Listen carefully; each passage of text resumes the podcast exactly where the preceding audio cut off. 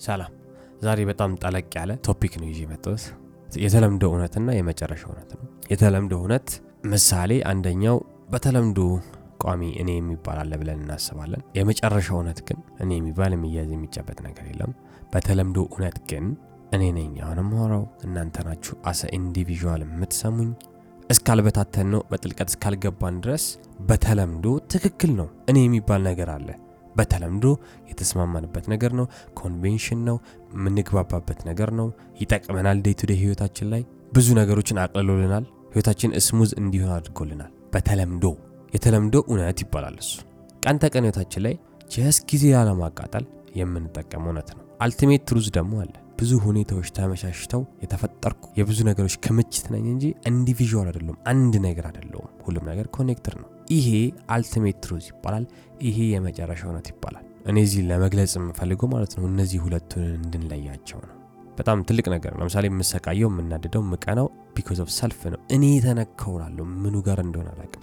በጥልቀት ስንዘረዝረው እኔ የሚባል ነገር የለም።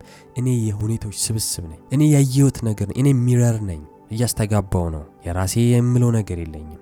እኔ ካልኩ ማለት ነው የብዙ ነገሮች ለምሳሌ የተለምዶ እውነት ነው። ስድብ ስሜት ያደረገናል። ስድብ ቃል አራት አምስት ፊደሎች ማለት ነው። በተለምዶ እኔንም ያደረገኛ አጠገብ ያለውን ሰው ያደርገዋል። ሁሉንም ሰው ያደርጋል። የሆነ ሰው ሲሰደብ ደስ አይለውም። መሰደብ የሆነ part ን ይነካል የሚባል የተለምዶ እውነት አለ። የተለምዶ እውነት ነው፣ የመጨረሻ እውነት አይደለም። ለምን የሚገራርሙ ዋይ ሰዎች የሚገራርሙ ጠቢቦች ደግሞ ያቺ ትንሿ ፊደል አትነካቸው። እነሱ የተለምዶ እውነት የተለምዶ እውነትና የመጨረሻ እውነት እንዳለ ስለሚያውቁ ማለት ነው። እኛ ግን የተለምዶ እውነትን የመጨረሻ እውነት አድርገነዋል። እኔ ዛሬ ከተሰደብኩ እኔ የሚባል ነገር ስላለ ማለት ነው እኔ ዛሬ ሙሉ ቀን እረበሻለሁ። ይሄ የመጨረሻ እውነት ነው ብዬ አምኛለሁ። እኔ የሚባል የሚነካ part አለኝ ብዬ በሀሳብ create የተደረገ መሆኑን ካለማወቅ የተነሳ እሰቃያለሁ። ከህይወቴ ውስጥ ሰላም አጣለሁ። ስለዚህ ምን ያህል wisdom ምን ያህል በጥልቀት ማየት powerful እንደሆነ ወሳኝ ነገር እንደሆነ እዚህ ጋር ማየት እንችላለን ማለት ነው። በጥልቀት የማናይ ከሆነ ነገሮችን ነገሮችን investigate የማናደርግ ከሆነ የተለምዶ እውነትን የመጨረሻ እውነት አድርገነዋል። conventional ለመግባባት የምንጠቀመውን self ultimate አድርገነዋል። የማይሞት ነገር አለኝ እላለሁ። ለምን በተለምዶ ዘላለማዊ ነኝ የሚል feeling አለ። በጥልቀት ስናይ ግን የብዙ ነገሮች ስብስብ የተፈጥሮ part ነኝ፣ አንዱ አካል ነኝ እንጂ ብቻዬን ተነጥዬ የምወጣ ነገር እንዳልሆንኩ ማወቅ ጀምራለሁ። በጥልቀት ሳይ እዚህ ጋ ነው እንግዲህ አንዳንዴ people ተፈላሰፍን የሚለን ወይም እንደዚህ ነገር ስናወራ ብዙ ሰው አልዋጥ የሚለው ጥልቀት የሌለው እይታ ስለሚሄድ ከላይ ከላይ ስል በተለምዶ ማለት ነው። የተለምዶ እውነታችን ከላይ ከላይ ነው። ሁሉም ሰው ስለተስማማበት ትክክል ነው ብለን እናምናለን። ጠለቅ ስንል ግን የመጨረሻውን እውነት እየፈለግን ስለሆነ ስንፈላሰፍ፣ በጥልቀት ስናይ፣ በደንብ ስንቆፍር አሁን ያልኩት ነገር ይሄ ዘላለማዊ የሚባል ይሄ ቋሚ ነገር ይሄ የሚያዝ የሚጨበጥ part እንደሌለ እናውቃለን። everything እስከዛሬ happen ያደረገብን ነገር እስከዛሬ እየተፈጠረብን ነገር እንዳለ እንደተደጋገመ እናውቃለን።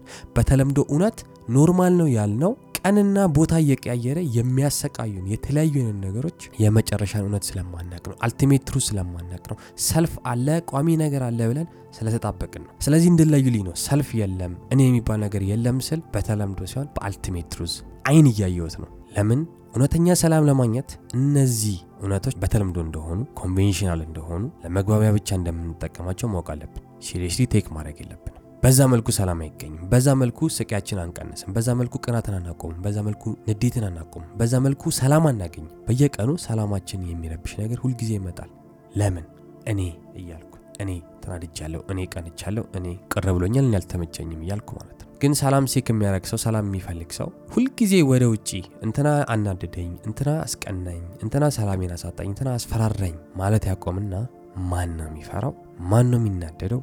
ማን ነው ሚቀናው የሚል ጥያቄ መጠየቅ ይጀምራል። የዛን ጊዜ የምናገኘው ultimate truth ነው። የዛን ጊዜ የምናገኘው የመጨረሻ እውነት እኔ የሚባል ነገር የለም፣ የሚያዝ የሚጨበጥ ነገር የለም። everything is fabrication ነው፣ የተፈበረከ ነገር ነው። የፈበረከውም ሀሳባችን ነው፣ የፈበረከውም mind አችን ነው፣ ያልተገራው mind አችን ነው የሚለው እስከዛሬ ስደጋግም የነበረው እውነታ ጋር እንደርሳለን ማለት ነው። ስለዚህ ሀሳብ ላይ መስራት እንጀምራለን። አሁን አሁን እኔ self የለም ስል ታሪክ ከማውራት ይልቅ ከመከራከር ይልቅ ተቃራኒ ከመሆን ከመቃረን ይልቅ እስቲ ልየው ብላችሁ ካያችሁት እውነትም ተርጓሚ ነው ችግር እየፈጠረ ያለው ego አችን ነው ችግር እየፈጠረ ያለው። ያስገባል information ከዛ በኋላ process ያደረግ ነው ችግር እየፈጠረ ያለው። እኔ እያለ ነው process የሚያደርገው። እኔ ተናድጃለሁ። አይደለም ሲቹዌሽኑ የሚያናድድ የሆነ ምክንያት እኔ ጠባብ ከመሆኑ የተነሳ እኔ እይታዬ ጠባብ ከመሆኑ የተነሳ ነው እንጂ የሚያናድድ ነገር የለም፣ ወይም ደግሞ እኔን የሚያናድድ ነገር የለም። because እኔ የሚባል ነገር ስለሌለ።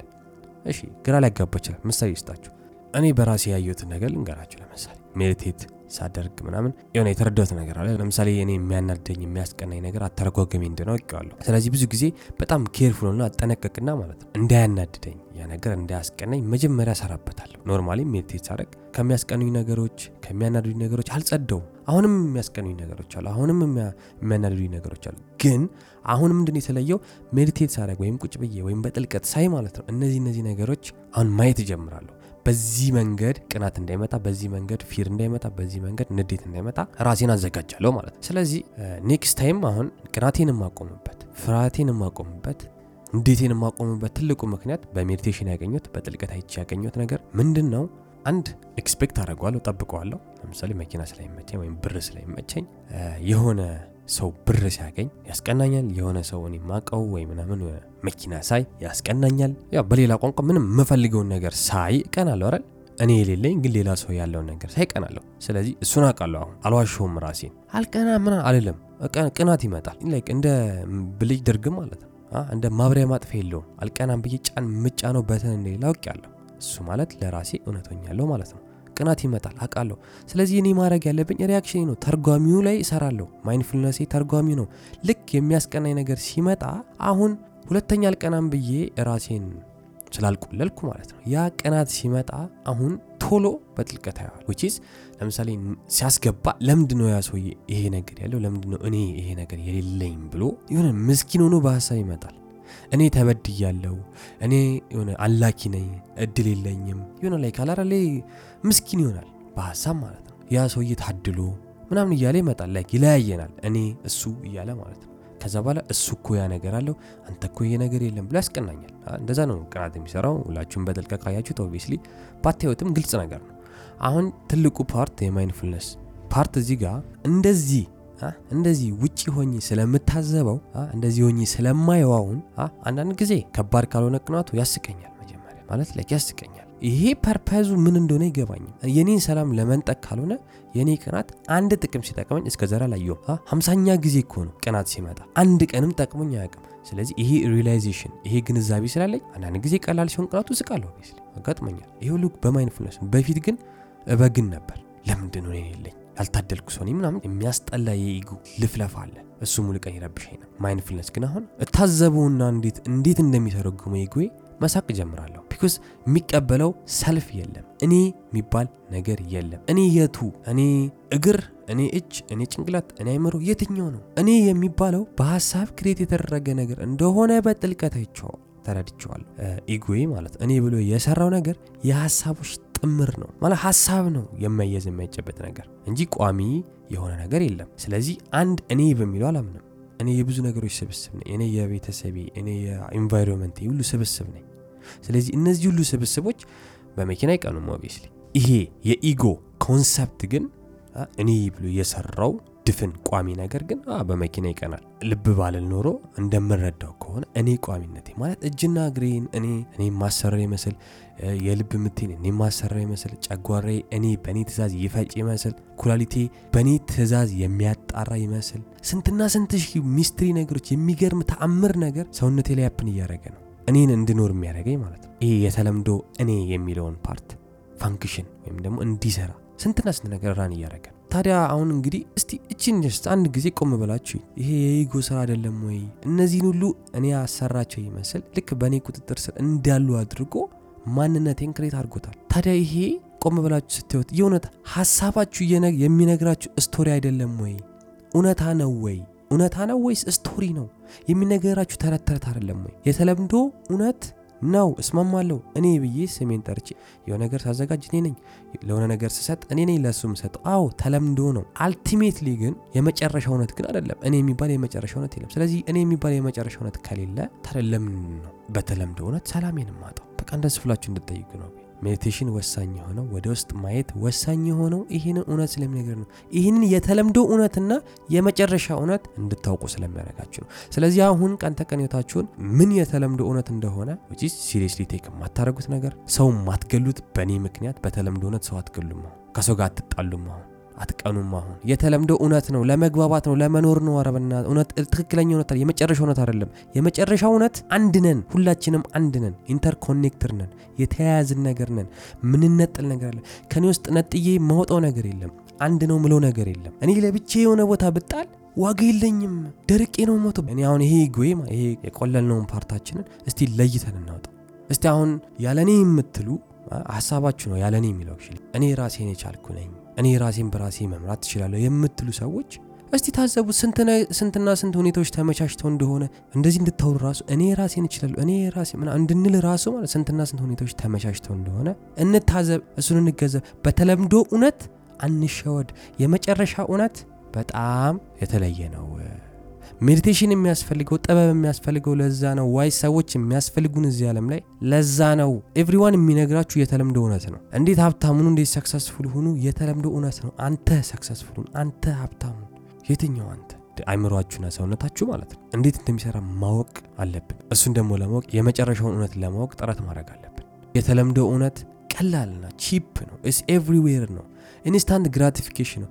it's like ከላይ ከላይ ነው ሆይ ሆይ ነገር ነው። ዛሬ የሆነ ነገር ሳለ ደስ ይለኛል። ማነው ደስ ያለ? እኔ። የትኛው እኔ?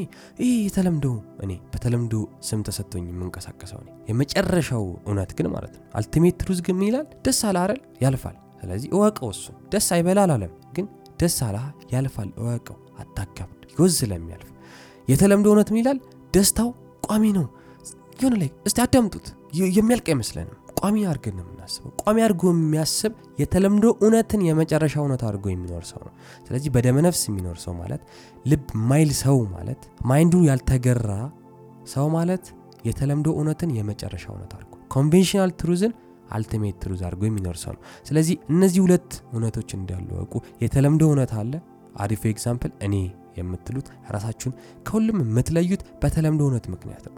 ultimately የመጨረሻ እውነት ላይ የሚለይ ነገር የለን። ሁላችንም connected ነን። ብዙ ነገሮች ያስፈልጉናል እኛ exist ለማድረግ ብዙ የተለያዩ ነገሮች የምናውቃቸው የማናውቃቸው ማየት የማንችላቸው አየር ራሱ አይናየውም እኮ ግን part of us ነው። አየር ራሱ part of us ማይታየው። እሺ ውሃ ታዩታላችሁ፣ ምግብ ታዩታላችሁ፣ አየር አለ። ያለ አየር አልኖርም በሉ። ያው የሚያስቅ ቀልድ ነው። እየቀለድኩሎት ግን እውነት ነው። የማይታየው ነገር እስከዛሬ ቦታ ያልሰጣችሁት ነገር ይሄ እኔ ብሎ የሚቆልለው ማንነታችሁን እያኖረላችሁ ነው። ስለዚህ grateful እንድትሆኑ ነው። እውነተኛ የተለምዶ እውነትንና የመጨረሻው እውነት conventional truth ና ultimate truth ን እንድትለዩ ነው። ጥበብ ማለት የመጨረሻው እውነት እንድናውቅ የሚያደርገን ነገር ነው። knowledge ማለት የተለምዶ እውነት ነው። ስለዚህ እንድትመርጡ ነው። በጥልቀት ማየት ወደ መጨረሻ እውነት ultimate truth ይወስደናል። ከላይ ከላይ ማየት ስ obvious ኡን የተለምዶ እውነት እያሳደድን እቺ momentary ደስታ እያገኘን አንዴ እየወጣን አንዴ እየወረድን እየተጋጨን አንዴ እዚህ እያለን አንዴ እዛ እያለን ግራ እንደተጋባ እንኖራለን። ስለዚህ ultimate truth ለማወቅ ወይም ደግሞ ultimate truth የሚባል አለ፣ conventional truth የሚባል አለ የሚለውን እንድታውቁ ነው። በጣም ወሳኝ ነገር ስለሆነ ነው። በጥልቀት መታየት ያለበት ነገር ስለሆነ ነው። thank you for watching thank you for listening love and respect peace